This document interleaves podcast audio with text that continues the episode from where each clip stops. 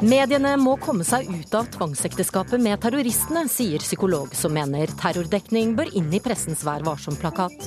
Vi kan ikke la være å vise terrorens ansikt, svarer Norsk Presseforbund. Bare hør om dere hadde vester til alle om bord. Mange båtfolk føler seg umyndiggjort av flytevestpåbudet. Redaktøren i bladet Båtliv ser mørkt på at påbudet kan bli utvidet til også å gjelde større båter. I går kom de med ny singel. I dag varmer Marcus og Martinus opp til Norway Cup-konsert med musikkvideoinnspilling. Vi skal møte superbrødrene og noen av spillerne i verdens største fotballturnering. Og hvis du gleder deg til høstjakten og planlegger å legge ut bilder av deg og byttet ditt på Facebook, så må du følge med. Norsk jeger- og fiskeforbund ber nemlig jegerne droppe de altfor blodige skrytebildene på nett. Men først så skal vi til verdens største fotballturnering, som starter i dag. Eh, reporter Brage Berglund, du er på plass på Norway Cup, som har rekordmange påmeldte, påmeldte spillere i år. Eh, og du står der sammen med det som kan høres ut som noen ganske entusiastiske og klare fotballspillere fra Bekkelaget fotballklubb? Ja, eh, Entusiastisk er vel eh, en mild underdrivelse. Eh, jeg står jo her som du sier med fotballspillere fra BSK, og det var litt av et kamprop vi hørte her, men det må også til når det er 35 000 fotballspillere som etter hvert skal samle seg her på Ekebergsletta. Og dere som spiller for BSK på hjemmelaget, hvordan er det å spille på Norway Cup? Gøy. Veldig gøy. Det er um, årets høydepunkt uh, for, uh, som å være um, fotballspiller. Dritspennende. Hva slags ambisjoner er det dere har i året? Uh, vinne og skåre mål. Komme så langt som mulig i cupen. Og det er eh, sikkert mange flere med dere som ønsker å eh, vinne. Eh, jeg står her med den helt ferske Norway Cup-generalen Tony Isaksen. Og Tony, hvordan vil folk på Sletta merke at det er du som nå har tatt over roret etter Frode Kyvåg? Ja, Det er ikke så enkelt å svare på, kanskje. Men fordi at det er rett og slett en unik frivillighetskultur på Bekkelaget, hvor at vi har 1500 frivillige. Alt fra barn fra fire år og opp til eh, en eldre dame på 94. Så det er de som bærer hele eh, pakka rundt Norway Cup. Men det er klart vi vil se en del nye aktiviteter oppe her, eh, som er mye spennende både for gamle og ung. Vi vil se et stort matland, et svært diskotelt for deltakerne. Og så vil det være mange flere sendinger på TV 2. Vi vil også ha mye annet rart som skjer på Sletta. Og så er Sletta herlig nå, da. Ja, for her har også sola eh, gløttet fram. Eh, men så er det jo også sånn at mange andre store idrettsarrangementer har hatt ekstra fokus på sikkerhet i år. Hvordan eh, forholder dere dere til det? Der har vi veldig god eh, dialog med politiet og andre som har det ansvaret. Eh, og eh, der er vi ganske godt ivaretatt.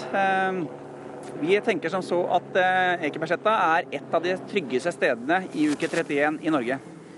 Eh, og det er eh, mye hyggelig som skal skje her på Sletta, når vi ser bort fra alvorlige sikkerhetsting.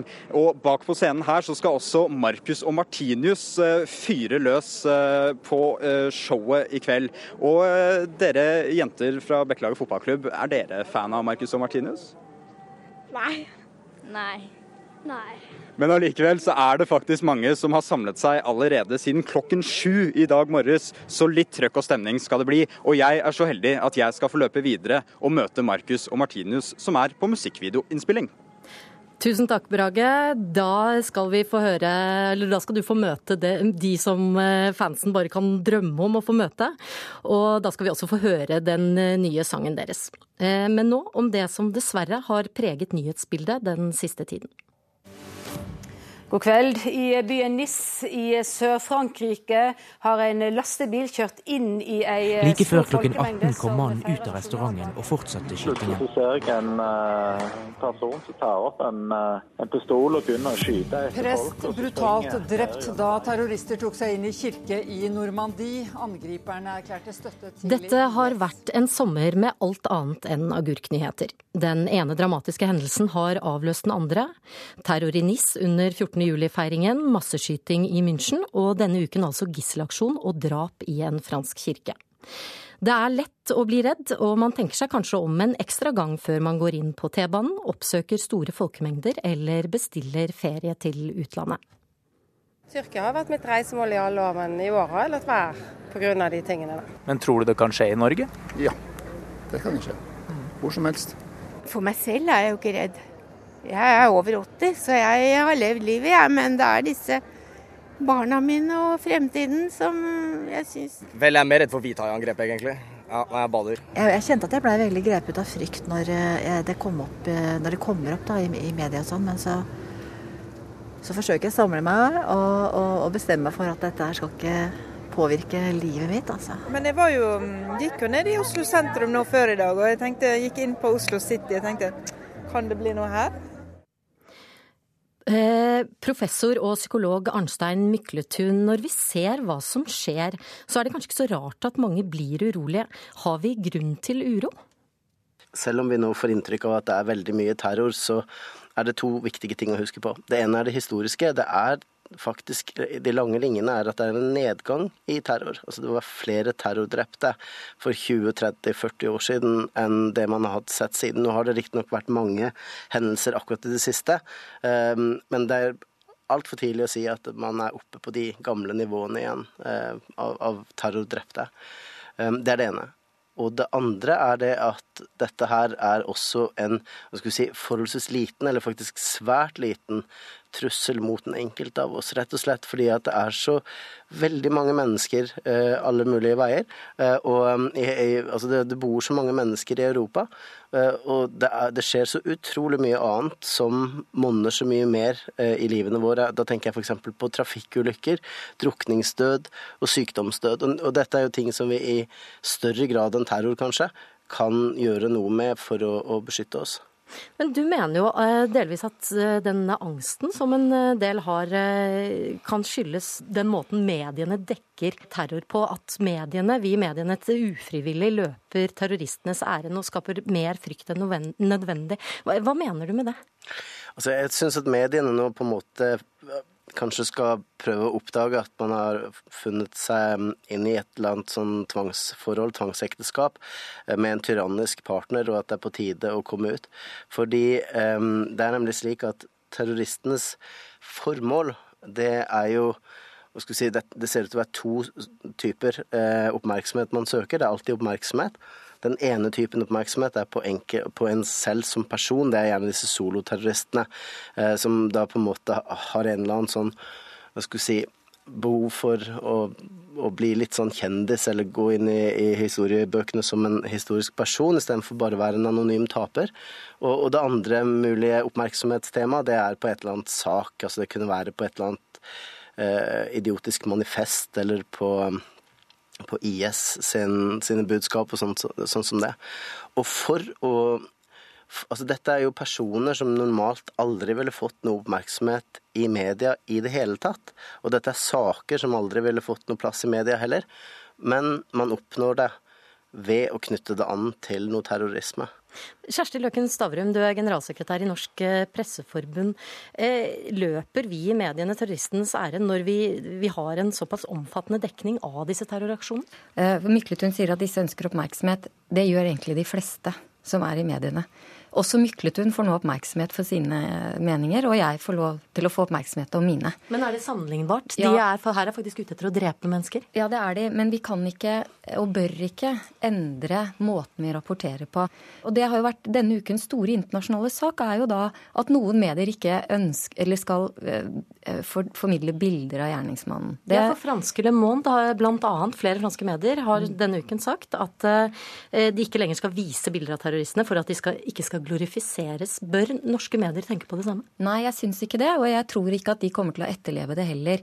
Fordi at nå sa du at de skulle ikke gjøre det for å glorifisere. Og det de egentlig sier, er at de skal ikke glorifisere posthumt. Det vil si at dette, så vidt jeg forstår det, vil være et grep de gjør hvis gjerningsmannen er død. Hva gjør det hvis gjerningsmannen fortsatt lever, som jo er et eksempel eh, vi har i Norge? Eh, da vil man eh, sannsynligvis tenke helt annerledes. Og alle de de hendelsene vi har hatt nå i sommer, har vært veldig forskjellige. Eh, så en terrorhandling er veldig så langt forskjellig fra den andre terrorhandlingen. Felles for dem er at det er enkeltmennesker som begår dem.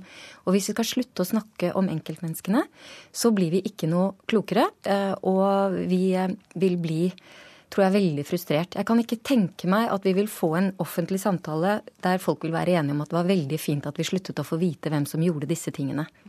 Eh, Mykletun, du mener jo at eh, mediene faktisk bør få Eller at man bør få dekning av terror inn i pressens Vær varsom-plakat? Altså, det, det, er jo helt uaktuelt å, å, drive noen form for sensur, og myndighetene kan ikke gripe inn. De kan ikke engang så mye som antyde eller foreslå, for det vil kunne oppleves som sensur. Sånn at det, det, må være en frihet til å dekke disse tingene. Men, men det er på en måte Mitt utgangspunkt der er vel egentlig arbeidet jeg driver på selvmordsforebyggingssiden. Det er nemlig veldig godt kjent at dersom man dekker et selvmord med, med hva skal vi si, inngående detaljer, bilder, bakgrunnsbeskrivelse osv., så um, sånn som i og for seg mediene gjør med terrorhandlinger, men hvis man gjør det på selvmordsfeltet, så får man sånn etteraping etterpå. Altså det, det er folk som rett og slett dør unødvendig fordi at de er i en sårbar situasjon, og så blir de stimulert på den måten. Og da tenker jeg, Her har vi en suksess i Norge, en kjempesuksess. Mediene klarer dette helt utmerket. Så kan man spørre seg kunne man klart å oversette den suksessen inn i terrorfeltet og gjøre en sånn form for nøktern og proporsjonal rapportering som ikke ga den gevinsten som i forhold til oppmerksomhet enten på person eller på saker, men som på en måte bare dekket det litt sånn overfladisk. Og med proporsjonal så mener jeg da vi må huske på at det, det dør jo 500 ganger så mange mennesker i ulykker som i terror. Det dør tusen ganger så mange til selvmord som i terror. Det er da tall for dødsfall før 65. Etter 65 er det sykdom som dominerer. Men Løken Stavrum, kunne det være aktuelt? Kunne man fått måten man dekker terror inn i Vær varsom-plakat? Nei, man bør ikke få det. Eh, og, og, det er et ønske som ofte melder seg når det er store saker. Så ønsker man et litt sånn spesifikt punkt i Vær varsom-plakaten om akkurat det. Eh, og da tror jeg det er lurt å tenke seg om hva, hva skulle formuleringen vært. Eh, og eh, derimot så, så tror jeg det er sunt å diskutere varsomhet rundt hvordan man identifiserer en gjerningsmann. Altså jeg tror det, er jo stor forskjell på å identifisere og tapetsere dekningen med den personen. Og det er veldig stor forskjell på å bruke, sånn som f.eks. i tilfellet NIS, hvor man jo de første dagene hadde et veldig dårlig førerkort, mot f.eks oppstilte bilder som, som, man eventuelt måtte ha lagt tilgjengelig. Så er det én ting som vi eh, må snakke om i denne sammenheng, som, som blir kunstig å ikke gjøre, er at vi kan gjerne snakke om de redigerte mediene. Og de redaktørene, enkeltredaktørene må ta ansvar for hvordan de dekker ting. Men de sosiale mediene gjør jo ikke det. Eh, så mye eh, formidling, eh, særlig da NIS, for da fulgte jeg veldig nøye med de første timene, var det jo enkeltpersoner som sto for. Eh, det var de som tok videoene, det var de som postet de, det var de som tok de konkrete bildene fra verandaer hvor du så mennesker lå eh, i gatene. Og det, det var jo eh, publiseringer som jeg også så at førte til debatt på Twitter om eh, hva er etikken i dette. Mykletun, svar på det. Hvis, er du ikke redd for at hvis mediene begynner å sensurere seg selv, at det er på en måte sosiale medier som overtar den, det informasjonsansvaret, og at den informasjonen kanskje kan være mer uetterrettelig og kanskje mer skremmende? Jeg anerkjenner jo selvsagt at sosiale medier lever litt for seg selv, men, men folk flest har ikke en sånn type eh, newsfeed på Twitter og Facebook og sånn som nyhetsfolk har. Men det, det, jeg oppfordrer til, er jo ikke noe sensur, selvsagt. Men det er jo bare at man da kunne anvende den samme grad av hva skal vi si, Eh, bildebruk og videobruk og sånne effekter som berører oss emosjonelt, eh, som altså samme grad i terrorsaker som man ville gjort hvis det f.eks. var en ulykke. Sånn at eh, hvis hvis det sier at etter den togulykken, så var da før NIS-hendelsen, så var det jo ingen medier som gikk og, og viste film eller bilder av døde kropper trapper eller, eller liksom barnevogner eller hva det nå skulle være. Selvsagt gjorde man ikke det. I hvert fall ikke som jeg fikk med meg. Eh, men det gjør man altså etter terrorhandlinger. Og det har den effekt at det berører oss emosjonelt, slik at vi på en måte da blir mye mer si, påvirket og mye mer opptatt av personen og hvis det er et budskap utover personen. Løken Stavrum, kunne til slutt kunne man dekket eh, terroraksjoner som man dekker ulykker? Nei, for det er ikke ulykker. Det er noe, det er noe helt annet. Og det er, en, det er, en, ny form for uh, hendelser i vår tid som, som, vi må dekke ut fra det, den type terror som er nå. Men det, det, som er viktig, er jo at de redigerte mediene, nettopp fordi det fins likt og ulikt i sosiale medier, at de fremstår med fakta og, og forbehold der det ikke er fakta. Uh, og det er klart at det er en vanskelig, men viktig utfordring. Da sier jeg takk til dere, Arnstein Mykletun og Kjersti Løken Stavrum. Det er sommer og sol, du starter opp snekka og putrer av gårde bortover stille, glitrende hav. Men har du husket å ta på deg flytevesten? Fra 1. mai i fjor så må alle som er ute i båter under åtte meter ha på seg vest. Og det har skapt høye bølger i båtmiljøet. Ukesluttsreporter Fredrik Brogland Låke ble med havnepolitiet på flytevestkontroll i Oslofjorden. Skal bare høre om dere hadde vester til alle om bord. Ja, kan vi få se dem?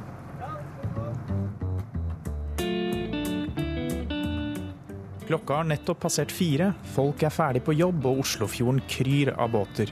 Små gummijoller suser forbi yachter, en ensom katamaran blir forbigått av en fisketråler, og i en grå, litt firkanta båt er havnepolitiet ute på patrulje. Kjempebra. Da får dere kose dere. Bra å ta vest. En av oppgavene til havnepolitiet er å påse at folk følger flytevestpåbudet som ble innført i fjor. I dag er det førstebetjentene Eva Brekke og Tom Georg Ingdal Haakonsen som speider etter ulydige båtførere. Han bruker ikke vest, men den eh, båten tror jeg er over åtte meter. For reglene for flytevestbruk de er klare. Personer som oppholder seg i fritidsbåter som er under åtte meter og i fart, skal ha på flytevest. Fritidsbåter som er over åtte meter derimot, slipper påbudet, men må likevel ha vester tilgjengelig i båten.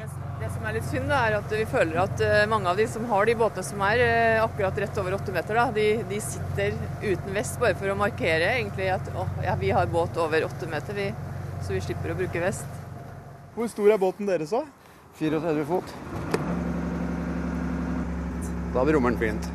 Litt lenger vest, på Kongen Marina ved Frognerkilen, fyrer Ola Ulseth opp båten som har ligget fastspent her i 20 år. Der ligger en del av vestene. Det er som en, to, tre, fire, fem, seks Ja, det er sju-åtte stykker der. Like greit å rope, tror jeg. Han mener flytevestpåbud er fornuftig for mindre båter, men er usikker på om et lignende påbud er lurt for større båter. Det kan jo f.eks. være vanskelig å sole seg med vest på. Det kan være vanskelig å sove med vest på. Det kan være slitsomt å stå på kjøkkenet og lage mat med vest på. I fjor døde 37 personer i forbindelse med bruk av fritidsbåter.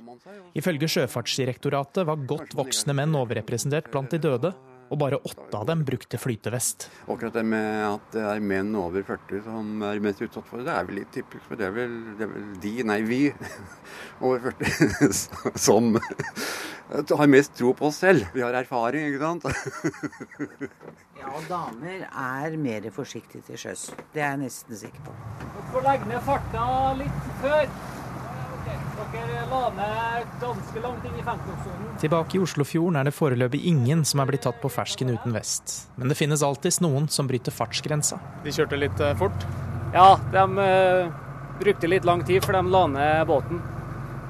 Og det er ganske vanlig her. Høy fart og mangel på flytevest går ofte hånd i hånd, og de gangene personer blir tatt uten vest, forteller betjentene om den ene dårlige unnskyldningen etter den andre. Alt fra fiskere som sier de ikke visste om påbudet, til ungdom som later som om de leter iherdig etter vester. Det er ikke så lenge siden vi hadde en kjempegod historie.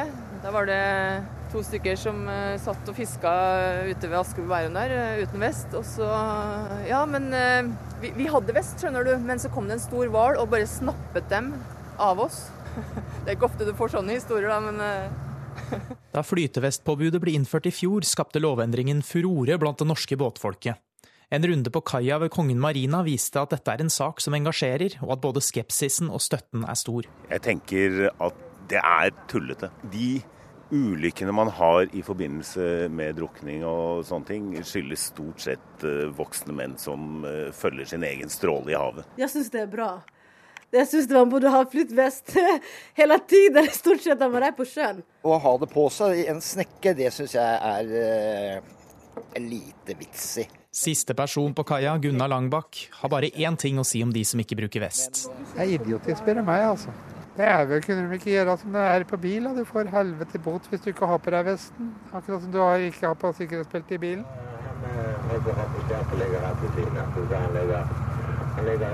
Her er det vest på, ja. Så det er en fornuftig kar.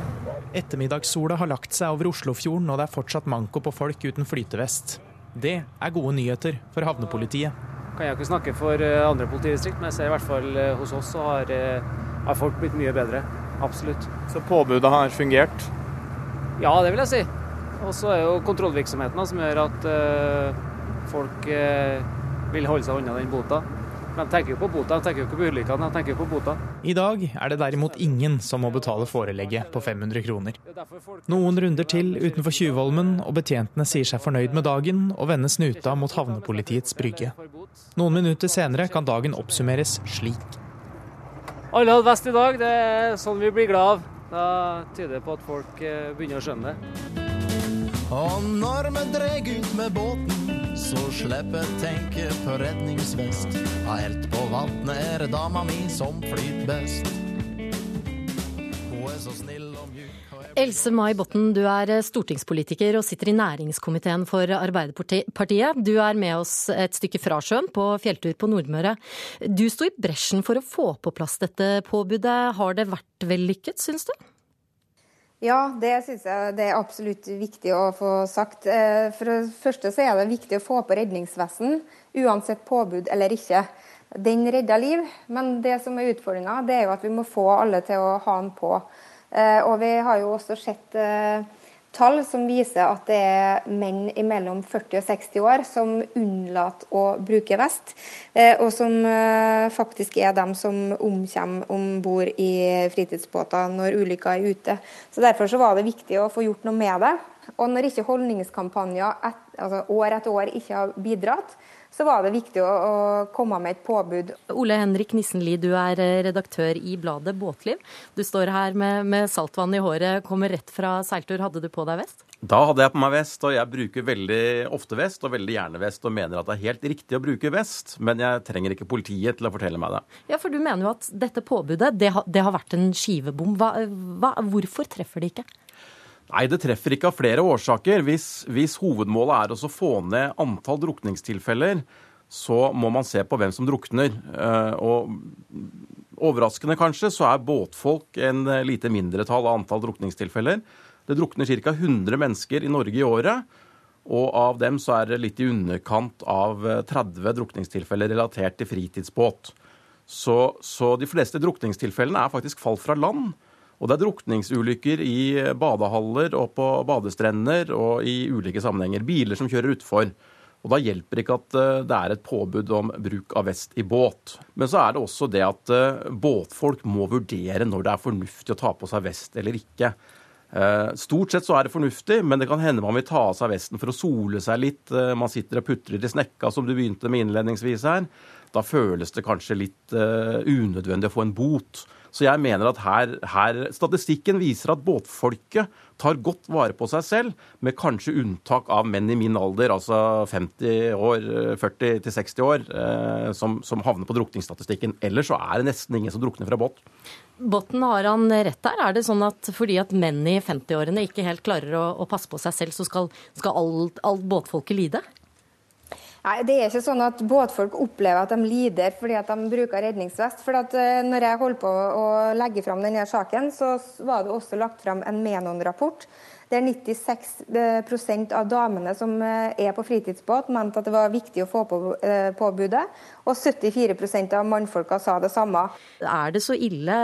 Er det ikke litt som å ta på seg en sikkerhets, sikkerhetsbelte i bilen? Nei, det mener jeg definitivt ikke at det er. Det kan ikke sammenlignes med sikkerhetsbeltet i bil. Hvorfor ikke? Nei, altså nå seilte jeg I Forrige uke seilte jeg over Nordsjøen til Shetland. Eh, vest er ett av de sikkerhetshjelpemidlene. Det er mange sikkerhetshjelpemidler. Når vi seilte over Nordsjøen, så brukte vi line. Det viktigste er å holde seg om bord. Faller du i vannet, så er du allerede i en litt uh, vanskelig situasjon. Da er det selvsagt bra med vest, men, men det er noe, den andre kanskje innvendingen her, er at man på en måte tåkelegger eller legger i skyggen alle andre viktige sikkerhetshjelpemidler i en båt. Det viktigste er å komme opp, ikke falle i vannet. Og hvis man faller i vannet, så er det viktigste å komme opp veldig fort. Ja, Det er jo nettopp derfor det er viktig å ha vest. At man klarer å finne dem som detter eh, utfor båten. sant? Altså, det er jo det et sikkerhetsperspektiv. og Jeg har aldri sagt at det ene alene, eh, redningsvesten, hjelper deg mot alt på sjøen. Men det er den enkeltfaktoren som er viktigst i forhold til sjøsikkerhet, som eh, man har faglig vurdert, som jeg tenker er viktig å ta i bruk. Og det er mange andre ting man må gjøre i tillegg, hvis man ønsker det. Oxford Research, selskapet som har evaluert dette påbudet på oppdrag fra Nærings- og fiskeridepartementet, de mm. skriver bl.a. at det feltet dette påbudet regulerer, preges av mangelfull kunnskap, og at resultatet er at påbudet ikke treffer så godt som ønskelig, og ikke blir et effektivt virkemiddel for å avverge dødsulykker på fritidsbåter. Eh, hadde dere nok kunnskap da dere, da dere vedtok dette påbudet? Altså, at, treffer dere? altså, det er vanskelig allerede nå, føler jeg, å si om det treffer 100% men jeg mener at det er, et, altså, det er veldig mange grunner til at man skal ha gjort det. Eh, og Det viser jo også den undersøkelsen, for den sier jo at det har ført til at flere bruker flytevest. Det er jo viktig. Og De anbefaler òg en utvidelse av loven, slik at det skal gjelde alle fritidsbåter. Så Det er òg ting man må se på her, om, eh, om det her under åtte meter treffer eller ikke. Nissen Liv, hva syns du om at uh, påbudet nå faktisk kan utvides? Nei, Det syns jeg bare gjør galt verre, uh, rett og slett. Fordi sitter du og, i en stor uh, lukket båt og spiser reker, og, og det men er det så farlig? Du har det, De vestene som er nå, de er jo liksom små, bare som en sånn pølse rundt nakken. Ja, det kan du si. Eh, at du finner nå veldig mange komfortable vester. Og folk, og det så vi, vi var ute, Båtliv var ute i fjor sommer for å undersøke eh, vestbruk. Og da undersøke også disse oppblåsbare vestene, som det selges mest av nå, for de er mest komfortable. Uh, de trenger et jevnlig vedlikehold. De, de blåses opp av gasspatroner. Eh, det viste seg at én av ti vester ikke blåstes opp av de vi sjekket. Men det som var litt eh, tankevekkende, det var at de aller fleste av de vi spurte, de tenkte ikke på vedlikehold. Ingen tenkte på vedlikehold. Da blir det en falsk sikkerhet. Det inngår også denne risikovurderingen her. ikke sant? Det gjelder ikke bare å tilfredsstille loven, det gjelder faktisk å ta eget, eh, sin egen sikkerhet på alvor. Det krever en ansvarlig skipper. Det er mitt hovedpoeng. Det må vi ikke glemme. Vi må ikke umyndiggjøre båtfolket. Og det er grunnen til at båtfolket også reagerer sånn som de gjør nå. Det er at de vet egentlig hva som eh, bør til, de aller fleste. Og, og, og de opplever dette som litt umyndiggjørende. Nei, altså jeg syns ikke det. Jeg syns det er faktisk eh, er viktig at man eh, i fellesskap ser på at man ønsker å kose seg på sjøen, nyte livet der, og samtidig ha med seg alle tilbake igjen i trygg forfatning. Det er jo en av de viktige oppgavene det her påbudet har. Eh, fordi at det er behov for det. Og når vi ser at det er årlig mellom 25 og 40 som eh, mister livet i fritidsbåt, ja, så syns jeg at vi har et ansvar til å bidra med å komme med en lov som i hvert fall får vesten på, og spesielt, som ble sagt her, menn mellom 40 og 60 år, som må få på den her og være gode forbilder for de barna som er med på tur. Nissen Lie, til slutt. Du er ikke redd du etter hvert kan bli sett på litt som de som, som kjempet mot påbud om belte i bil på 1970-tallet? Nei, jeg tror ikke det. Eh, jeg ser jo også at eh, antall drukningstilfeller gikk opp fra påbudet kom. Altså det økte med, med 29% i fjor. etter at påbudet kom. Men det vet man ikke helt om har sammenheng ennå? Nei, altså, det er jo mange ting man kan Det er i hvert fall ikke for at de har fått på seg vesten som gjør det, tror jeg. Nei, det, nei men altså, det, det, kan man jo diskutere. Men påbudet som sådan hadde iallfall ingen umiddelbar effekt. Mitt anliggende er jo ikke også forsøke å redusere sikkerheten. Tvert om. Jeg ønsker også at folk skal være sikrest mulig, og derfor så ønsker jeg fornuftige tiltak. Det er druknet 44 mennesker hittil i år. 24 av dem har falt fra brygger. Seks har druknet fra båt. Fire har druknet bade, på badestrender og svømmehaller. Ok, da kan man begynne også, også på vest i svømmehaller og på badestrender og få på flere, flere stiger og sånn på kaier, så folk kommer seg opp av vannet. Nærings- og fiskeridepartementet skal nå gå gjennom evalueringen av den nye loven, og næringsminister Monica Mæland har åpnet for omkamp om påbudet hvis antallet drukninger ikke går ned. Takk til dere, Ole Henrik Nissen Lie og Else May Botten. Du hører på Ukeslutt. Fortsett med det, og hør at det er flere romfolk i Norge enn noensinne. Men har vi sluttet å bry oss? Nordmenn er mer interessert av det som skjer langt ute i verden. Det som skjer i Syria, det som skjer i Tyrkia, det som skjer i Sør-Sudan f.eks. Ikke legge ut bilder av blodige dyr på sosiale medier, oppfordrer Norges, Norges jeger- og fiskerforbund. Folk må tåle litt blod og gørr, svarer jeger Aksel Johannes Hetta. Men først. Det finnes ingen sikre tall, men både Frelsesarmeen og politiet mener det i sommer har kommet flere romfolk til Norge enn noen gang før. Men mens romfolket var en av de største mediesakene sommeren for fire år siden, kan det nå virke som om det er få som bryr seg. Ukesluttsreporter Brage Berglund har prøvd å finne ut hvorfor.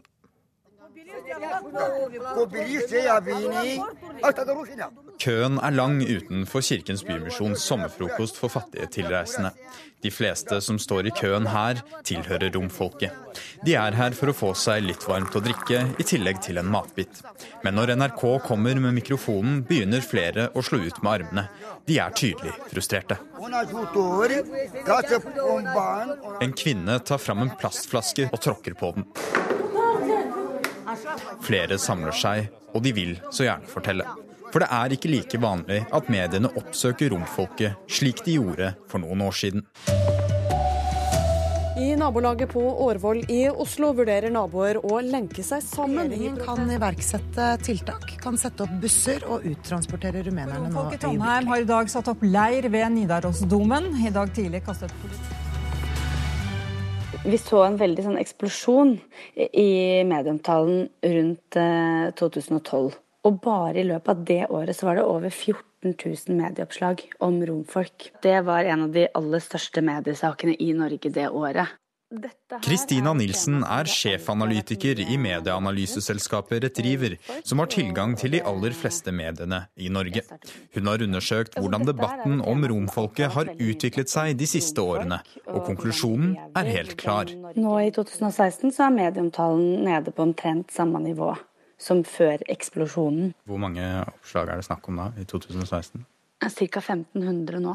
Men det handler også om at det er plass til det i mediebildet. Fordi da var det lite annet sånn veldig spesielt som skjedde. Eh, samtidig som det var veldig rom for en innvandringsdebatt fordi det var akkurat ett år siden 22.07.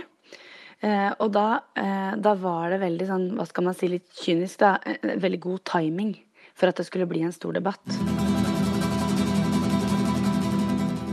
Men selv om debatten i større grad har stilnet rundt romfolket, så har ikke romfolket blitt mindre synlig av den grunn.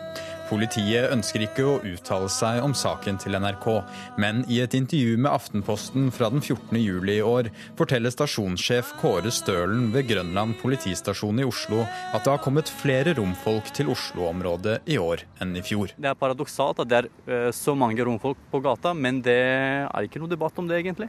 Det forteller Julian Bolai, som selv kommer fra Romania og tidligere har jobbet tett på rommiljøet i Oslo gjennom Fransiskushjelpen. Han har flere tanker om hvorfor det er blitt mindre fokus på romdebatten.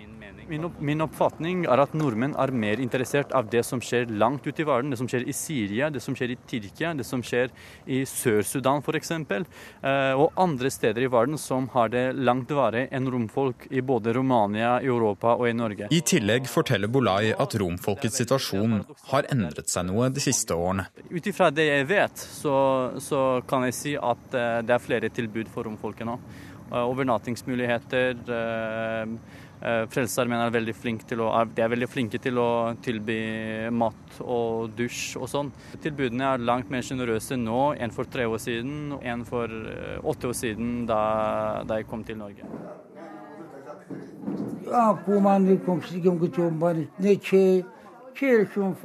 Tilbake i lokalene til Kirkens Bymisjon sin sommerfrokost sitter rumenske Jonel Moltiano.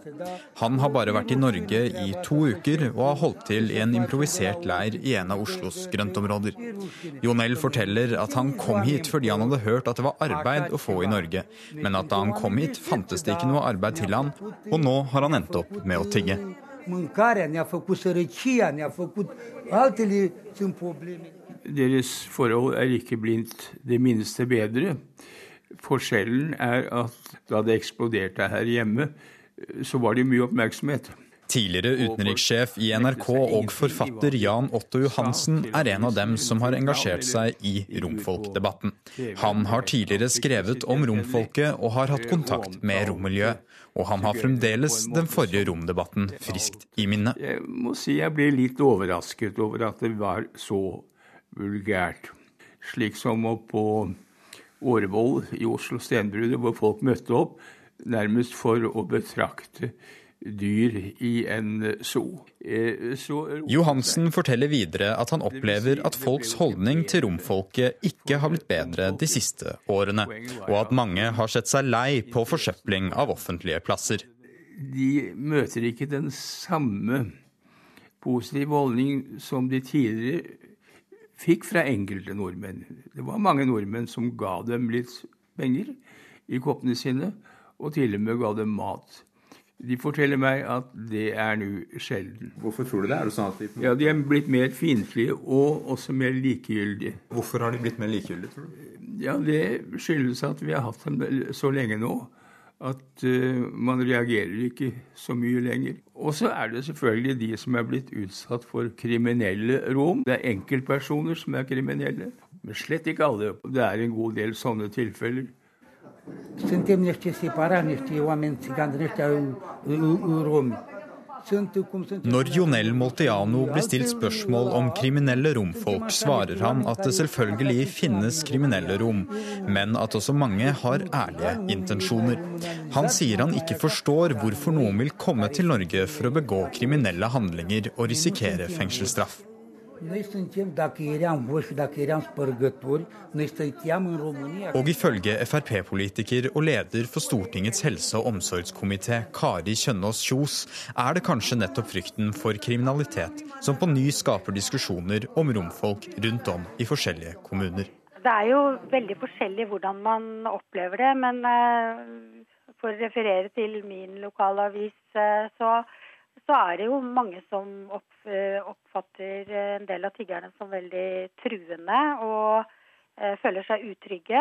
Kjos utelukker ikke at romdebatten på ny kan blusse opp igjen. Vi ser at det er blitt for Oslos del store mengder med rommennesker som kommer hit til oss. Så har problemet flyttet seg utover i nabokommunene rundt Oslo. Noen kommuner har derfor innført registreringsordninger, at du må registrere deg hvis du ønsker å tigge. Og andre kommuner igjen har sendt ut på høring forslag om å innføre tiggeforbud.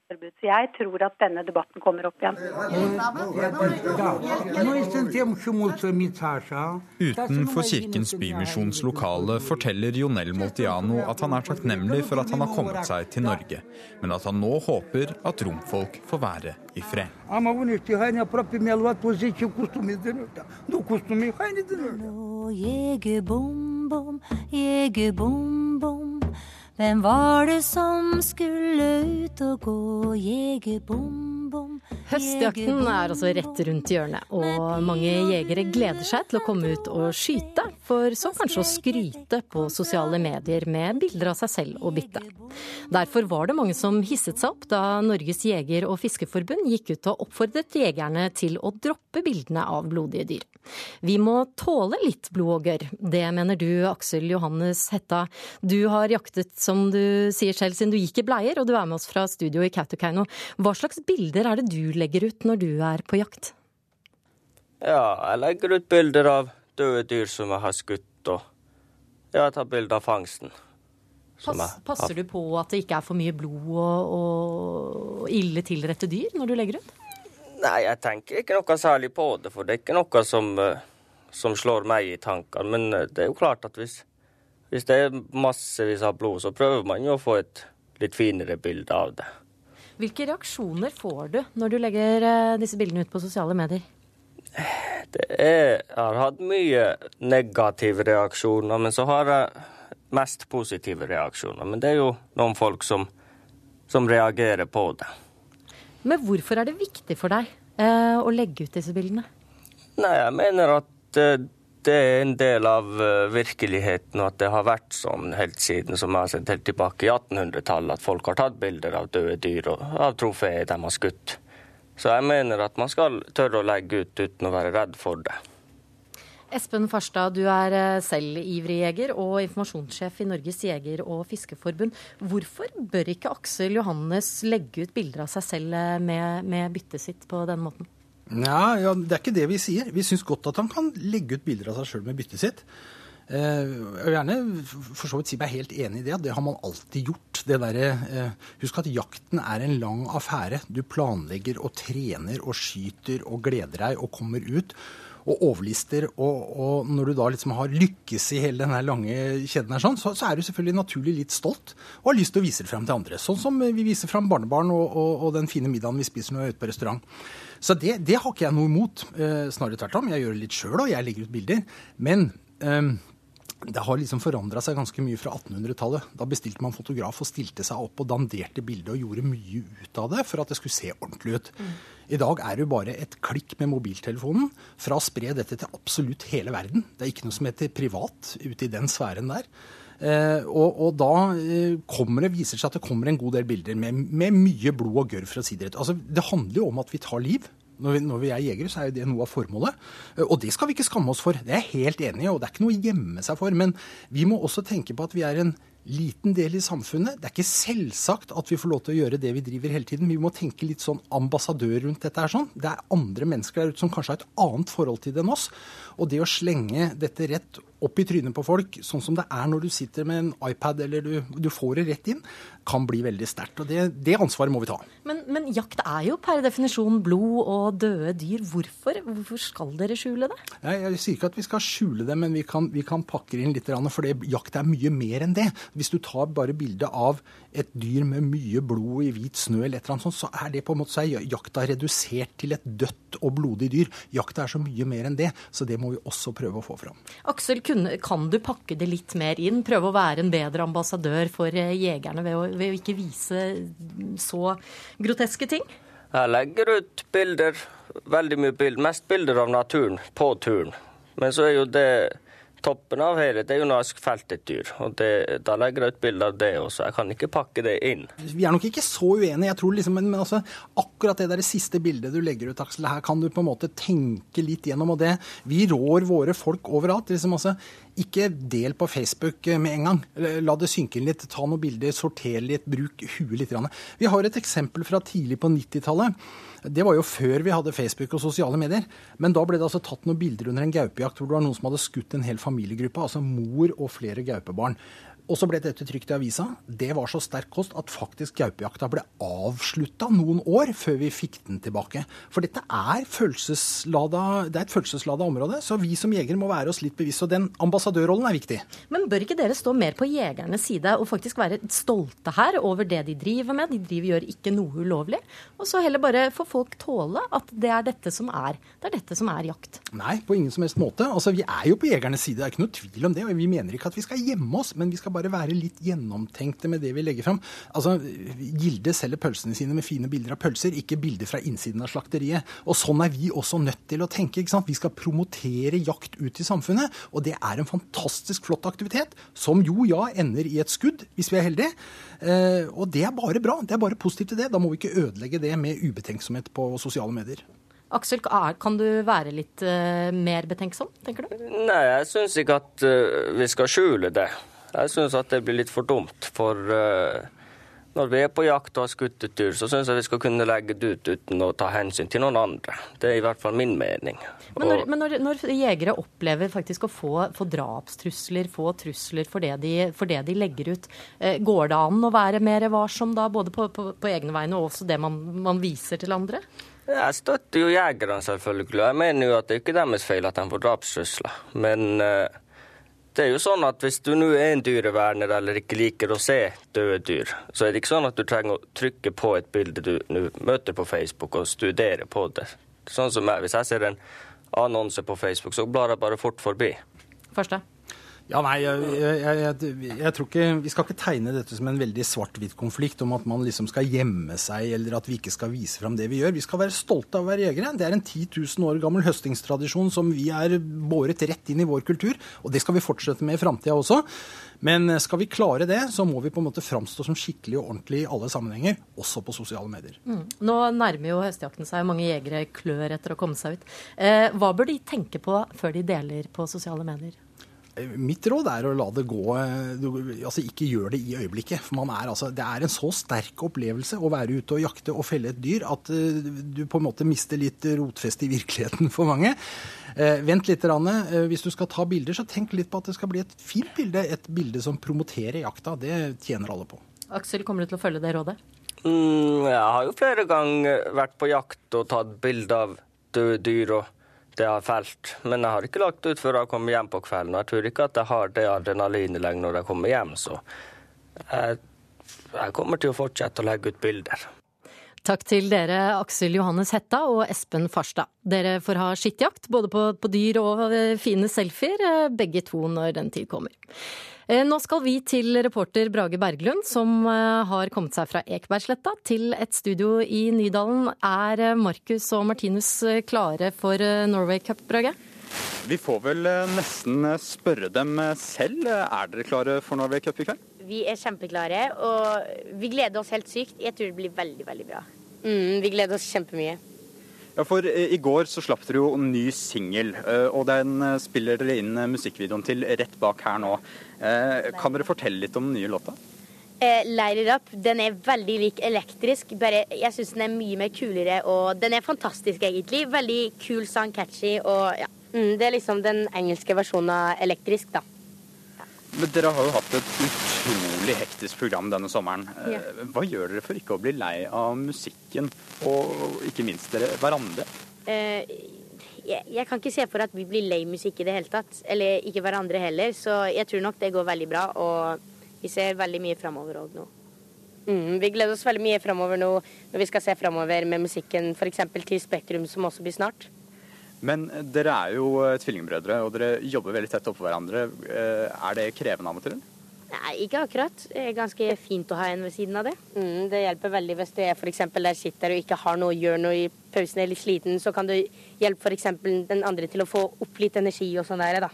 Men overalt hvor dere går, så er det jo masse fans, og så er det ganske strengt sikkerhetsopplegg. Eh, Føler dere at dere har mistet friheten litt på veien? Nei, det tror jeg ikke. Jeg synes... Jo, jeg, jeg føler jo at vi har liksom Vi kan jo ikke gå lenger rundt på gata i Oslo, Trondheim. Også i Sverige kan vi heller ikke gjøre det.